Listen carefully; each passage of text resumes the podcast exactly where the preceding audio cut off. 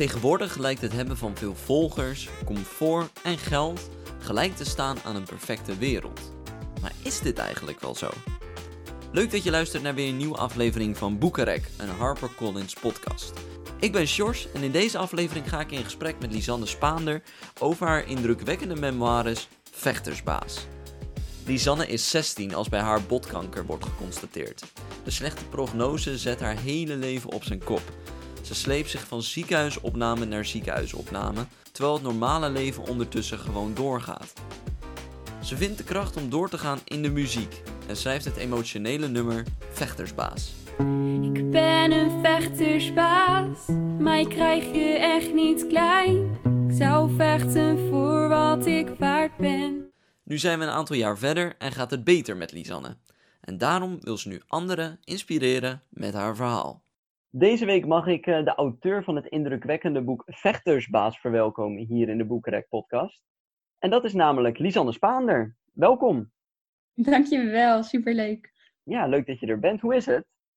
Ja, gelukkig op dit moment heel erg goed. Ik voel me gewoon echt heel erg gelukkig en ik voel me blij. En als ik het zonnetje zie, dan word ik gewoon helemaal vrolijk in mezelf. En uh, het is natuurlijk een hele heftige periode geweest om echt uh, het boek te schrijven over mijn hele leven.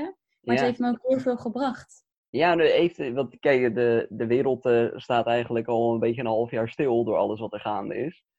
Eh, heeft, heeft dit ook nog eh, bepaalde grote veranderingen of chaos veroorzaakt in jouw persoonlijke leven? Nou ja, ik heb natuurlijk botkanker gehad. En dan weet je gewoon dat je immuunsysteem eventueel ja, is aangetast door alle chemokuren en alle behandelingen. Ja. Dus helemaal in het begin vond ik dat echt heel spannend. Toen, ja, toen het allemaal in het nieuws kwam in de media over COVID en over de besmettingen. Dus nou ja, toen heb ik natuurlijk wel heel erg opgepast. En later ben ik er wel iets soepeler mee omgegaan. Om wel gewoon langs mijn moeder te gaan en gewoon op afstand natuurlijk. Ehm, maar ja, ik heb gelukkig op dit moment gewoon een hele goede gezondheid. En eh, ja, dus dat gaat gelukkig wel heel erg goed. Ja, ja, dus aan het begin was het een beetje, een beetje spannend, maar nu kan je er wel wat eh, nuchterder naar kijken. zeker ja. weten. Nou, Ja. dat, is, dat is sowieso fijn. Eh, en, Ja, in dus en in kan gewoon heel erg leven natuurlijk in, in die onzekerheid van wat de hele maatschappij op dit moment teweeg brengt met de COVID. Maar je kan ook gewoon proberen dat te accepteren dat dat er nu gewoon is. En gewoon ja, genieten van de dingen die wel kunnen. Zoals lekker wandelen in het bos. Of, Ja, eh, je, je kan er toch weinig aan doen. ja, precies. Ja. Ja. En eh, in, in deze periode, want we zijn nu al een half jaar zitten we in, in deze maatregelen en dit, in dit, dit nieuwe gewoon. Ehm, ben jij ondertussen ook gewoon eh, je boek aan het schrijven geweest en eh, ben aan, aan, het- aan het fine-tunen geweest? Dat, Ja, eh, ja. dat ja, dat was een heel ervaring. Ja, zeker weten. Dat was heel, heel bijzonder ook dat ik dit boek heb mogen maken. Ehm, juist door corona heb ik natuurlijk gewoon echt heel veel tijd gehad ook voor mezelf. Dat ik echt kon reflecteren op mijn eigen gedachten van wat hoor ik nou? Ehm, maar ook gewoon echt weer het verleden in te duiken van wat heb ik eigenlijk precies meegemaakt. Want het liefst wil je alles, alles wat je meemaakt in je leven, alle pijnlijke dingen vooral achter slot en grendel duwen en er niet aan terugdenken. En nu met het boek schrijven, dan moet je er zelf voor openstellen. Om gewoon echt te kijken naar wat je hebt meegemaakt. En dat zorgt echt voor het stukje acceptatie bij mezelf. Oh, dat is, wel, dat is wel heel mooi. Want we willen je in deze podcast eh, iets beter leren kennen. Ehm, Ja. Dus laten we even helemaal aan het begin beginnen. Jij bent Lisanne Spaander. Waar, waar kom je vandaan? nou, ik ben geboren in Purmerend. Ja. Op een hele vroege leeftijd ben ik ehm, naar Ermelo gegaan. Nu woon ik in Harderwijk. In Harderwijk. En eh, daar heb je nu eh, het grootste deel van je jeugd dan eh, heb je in Ermelo en Harderwijk gewoond. Ja, klopt. Ja, ik heb op een soort ja, een klein boerderijtje, zeg maar, heb ik gewoond. Met paarden, allerlei verschillende dieren. En toen zijn mijn ouders ehm, zijn gescheiden. En toen is mijn vader in Ermelo blijven wonen. En ik ben mijn moeder mee verhuisd naar Harderwijk toe. En daar heb ik theateronderwijs gevolgd. Ehm, als middelbaar onderwijs kon je lekker dansen, zingen, acteren, van alles en nog wat. Dus daar heb ik echt mijn jeugd. ehm, ja, daar ben ik echt opgegroeid, zeg maar. Dus je hebt wel een goede jeugd gehad. Ja, ik heb echt een hele fijne jeugd gehad. Ja, en vooral ook heel veel buiten. Dus eh, toen ik nog in Ermelo woonde, heel veel paardgereden, lekker in het bos. En toen in Harderwijk was het veel meer stads. En dus ik heb eigenlijk allebei de kanten heb ik mogen leren kennen. En dat vind ik wel echt, ja, echt een rijkdom. En heb je een voorkeur? ja, ik vind juist die combinatie vind ik heel erg leuk. Ja, want als ik weer een tijdje in het bos ben geweest, denk ik, oh, ik verlang weer zo erg naar de stad en naar de gezelligheid in de terrasjes. Dus ik, ja, ik vind het allebei echt fantastisch. Je kan het nu allebei ook mooi combineren. Ja, ik kan het heel mooi combineren, inderdaad. Ja. En eh, je, je zegt, uh, je, uh, je kon dansen en acteren. Heeft dat altijd al bij jou erin gezeten, dat je echt jezelf op die manier moest uiten? Ja, ja, zeker weten. Ja, vroeger al met de borstel voor de spiegel, weet je wel, dansjes doen. En ja, opvoeren voor mijn ouders. Dat ik weer een theaterstukje ging opvoeren over Nijntje of over K3 en weet ik wat allemaal. En langzaamaan is dat dus steeds ja, professioneler ook geworden. Dat ik echt op theater kon gaan staan. Dat ik daar in musicals kon gaan spelen op school. In kerstmusical bijvoorbeeld. Dus ja. het, heeft altijd al wel een beetje ingezeten, ja. Ja. Nou, maar ja, toen uh, kwam uh, ja, eigenlijk midden in jouw puberteit veranderde van alles. Uh, want je zei het net al, jij werd ziek. Ja. Kan je daar wat meer over vertellen? Ja, nou, ik had gewoon heel verschillende klachten. En juist omdat je zo bezig bent met het dansen, lekker sporten, van alles en nog wat, dan sta je niet bij stil dat er van alles in je lichaam gaande is. Ja, je voelt wel pijntjes, maar we hebben onze maatschappij geleerd als je hoofdpijn hebt, dat je doorgaat. Want je hoeft niet per se ziek thuis te blijven. Je kan gewoon door, door trainen. Um, gewoon naar school blijven gaan. En dat is belangrijk in het leven. En uiteindelijk kreeg ik gewoon zoveel pijn dat het gewoon eigenlijk niet meer ging. Um, mijn been deed het op een gegeven moment gewoon niet meer. En ik kreeg zoveel pijn. En toen ben ik naar het ziekenhuis uiteindelijk gegaan. En daar bleek dus een tumor te zitten van 12 bij 12 centimeter. En uiteindelijk uitzaaiing in mijn longen. bleek Ewing sarcoom te zijn. En toen was je 16? Ja, toen was ik 16 jaar oud. In het examenjaar van, uh, van de HAVO. En dan ben je, je bent 16, je staat midden in je puberteit. Je ziet vrienden om je heen, uh, zie je uitgaan, uh, dingen doen die pubers horen te doen, naar school gaan, leuke dingen te doen, weinig zorgen te hebben eigenlijk. Ja. En, en voor jou veranderde er opeens van alles en kon je dat allemaal niet meer doen. Hoe, hoe was dat? Ja, ik vond het heel erg lastig omdat je hele werkelijkheid is natuurlijk, inderdaad wat je zegt, naar, naar school gaan, feestjes. Dat is gewoon jouw leven. En één keer merk je dat er nog veel meer verschillende andere wegen zijn die, die, die er ook bestaan, zeg maar. Zoals het ziekenhuisleven, het ziekenhuiswereldje. Waar je dan in één keer zelf patiënt bent. Waar je zelf in één keer behandelingen krijgt. Dat je niet meer hoeft na te denken, wat doe ik na de middelbare school, wat ga ik studeren. Maar je wordt in één keer op de feit gedrukt van, van het leven. Van wat is het leven nou? Ehm, en wat, wat doe ik hier dan? En waarom ben ik dan ziek? En waarom krijg ik dan deze chemokuren? Dus je wordt in één keer, in één klap eigenlijk volwassen gemaakt. Ja, en hoe merkte je dat uh, leeftijdsgenoten of jouw vrienden, hadden die een beetje door wat er aan de hand was met jou? Want ja, die leefden gewoon nog wel in die hele puberteit. Hadden die wel, ja, konden die wel begrijpen wat jij doormaakte? Hmm. Nou, ze deden allemaal ontzettend hun best. En heel vaak als ik in het ziekenhuis lig, lag, dan uh, kreeg ik allemaal kaartjes van ze en slingers. En om mijn kamer gewoon leuk te maken. Dus ze hebben ontzettend hun best gedaan.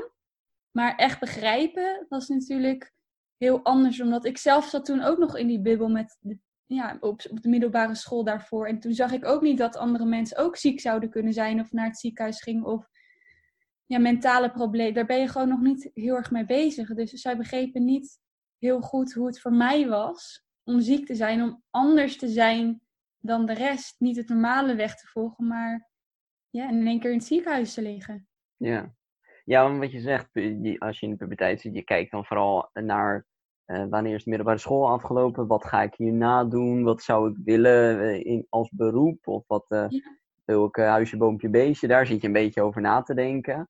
Ja. maar jij, voor, voor jou was dat gewoon even geen optie.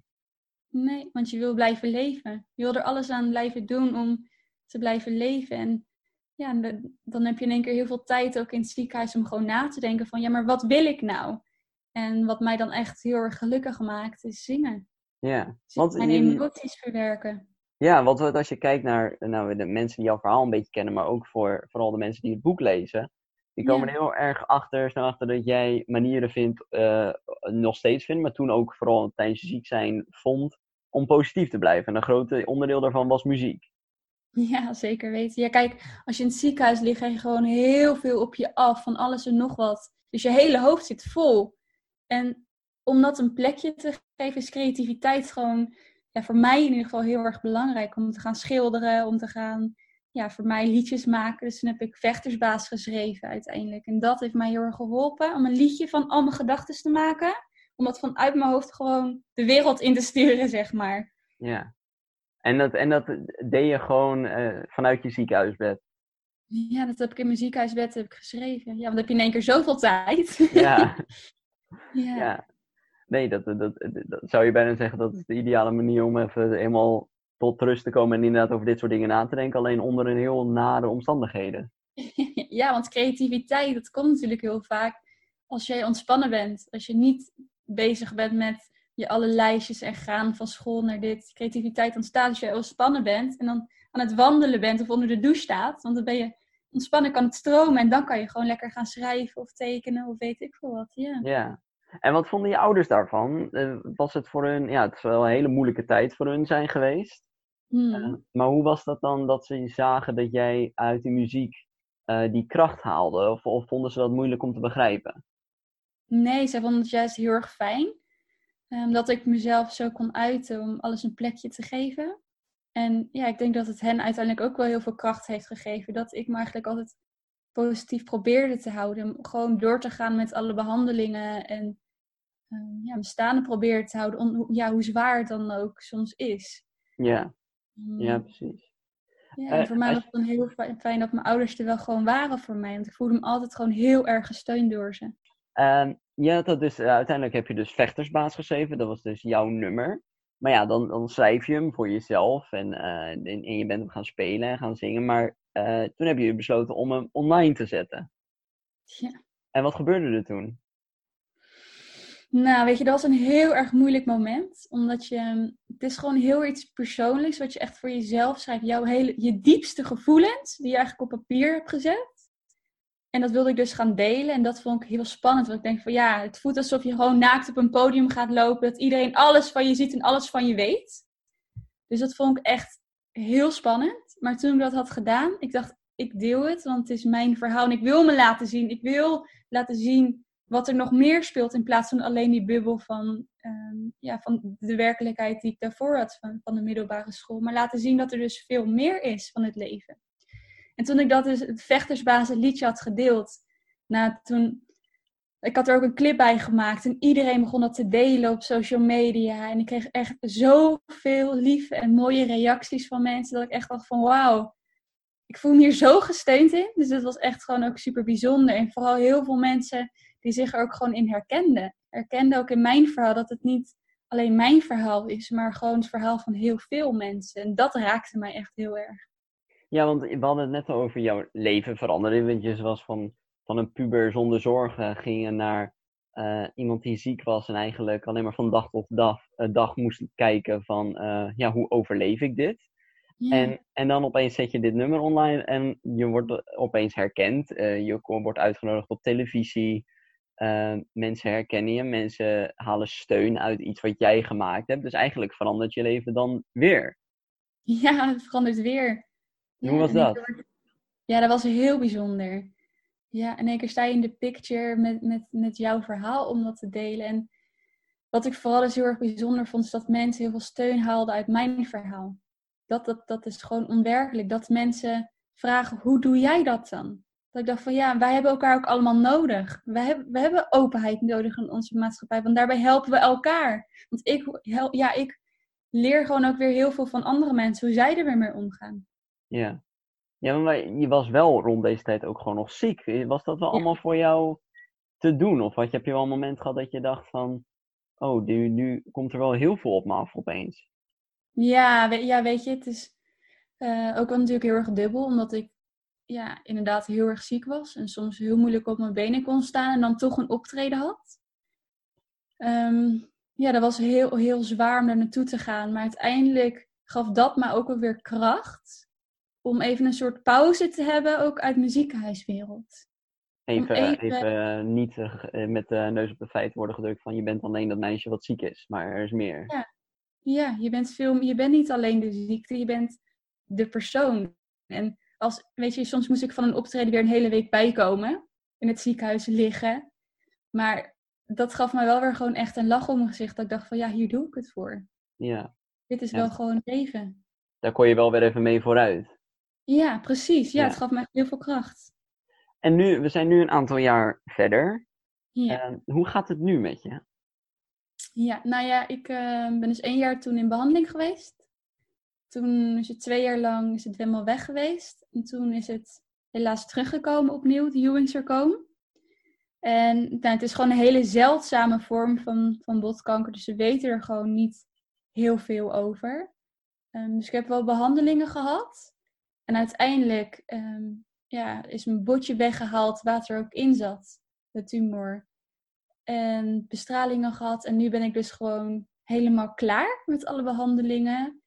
En ik kan ja, weer proberen te leven. En het is natuurlijk heel moeilijk omdat het. ehm, je bent klaar met alle behandelingen en dan die, die omwenteling van. Ja, maar hoe, hoe moet ik me dan gedragen in de maatschappij? En wie ben ik dan? En wat is dan wel normaal? En dat, die zoektocht is natuurlijk wel ontzettend lastig. Maar ik probeerde wel, ik heb er wel steeds meer mijn draai in gevonden. Om te doen wat ik echt, ja, waar ik gewoon heel erg gelukkig van word. Om eh, op te treden op podia, om lezingen te geven. En nu dus een boek te schrijven. Dus dat soort dingen, dat inspireert mij gewoon weer heel erg. Maar je zei net al van nu met eh, in het corona het afgelopen half jaar dat, het wel, dat je wel wat extra nadenkt en wat extra voorzichtig bent. Mhm. Eh, is er, ben, je, ben je bang dat, dat het weer terugkomt? Of, eh, of sta je er nu al zo in van nou, dat zien we dan wel weer? Mm, ja, vooral het tweede, dat zien we dan wel weer. Want ehm, kijk, als je de hele tijd ziek wordt, of, eh, nou ja, dan heb je de hele tijd te maken met positieve of negatieve berichten. En je hebt er gewoon geen grip op. Je hebt, je hebt geen grip op het leven. Dus weet je, je kan heel erg bang zijn dat het gewoon ja, eventueel terug zou komen. Maar ik kan ook gewoon nu genieten van de dingen die ik nu kan beleven. Ik bedoel, niemand weet hoe zijn leven loopt. Of dat ik morgen een auto-ongeluk krijg. Of weet je, niemand weet dat. Dus waarom zou ik dan in, in die angst leven? Of nu mijn leven op de rit proberen te krijgen, zoveel mogelijk uit het leven te halen. Mijn lichaam leren te kennen van wat, wat denk ik nou? En ook erachter komen, wat, wat wil ik nou? En wat wil iedereen in de maatschappij? En dat is denk ik het allerbelangrijkste. Ja. En nu heb je dus het boek geschreven, Vechtersbaan. Ja. Eh, dat, dat eigenlijk dus jaren geleden was begonnen vanuit een, een, een liedje. En dat is nu gewoon een boek. Ehm, wat is, we gaan het niet spoilen, want we willen gewoon dat mensen het boek gaan lezen. ja.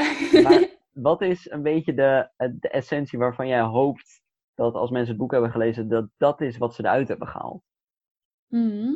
Nou, weet je, voor iedereen is dat iets anders wat ze eruit halen. En ehm, ik hoop vooral dat het mensen heel erg kan inspireren. Dat, nou, dat je er vooral niet alleen staat. Dat, dat we elkaar allemaal kunnen helpen. En dat we samen sterk zijn. En dat, jij het allerbelangrijkste bent van, van, van alles. Dus dat je vooral naar jezelf mag luisteren. Van als jij het heel graag wil, probeer dan ook dat het gaat lukken. Ehm, voel vooral wat, wat, wat goed is. In plaats van dat je je laat leiden door wat normaal zou moeten zijn in de maatschappij. En dat is wel het allerbelangrijkste. Ja. Nou, lijkt mij een hele, hele mooie boodschap. Lisanne Spaan, ik wil je heel erg bedanken voor jouw tijd vandaag in deze podcast. En eh, ja, laten we allemaal eh, snel dit boek gaan lezen. super lief. Jij ook heel erg bedankt voor het interview. De toekomst is nu. Maak je dus niet te druk om wat komen gaat, maar leef in dit moment. Ben je ook zo benieuwd geworden na het verhaal van Lisanne? Haar boek Vechtersbaas is nu overal verkrijgbaar. En dat was het weer voor deze aflevering van de Boekenrek podcast. Voor meer gesprekken vind je ons op Apple Podcast, Spotify en alle andere podcast apps. Als je daar ook meteen even een 5 sterren review voor ons achterlaat, kunnen nog meer mensen genieten van gesprekken met hun favoriete auteurs. Voor nu wens ik je nog een fijne dag, blijf gezond en blijf vooral lekker lezen. Tot de volgende keer.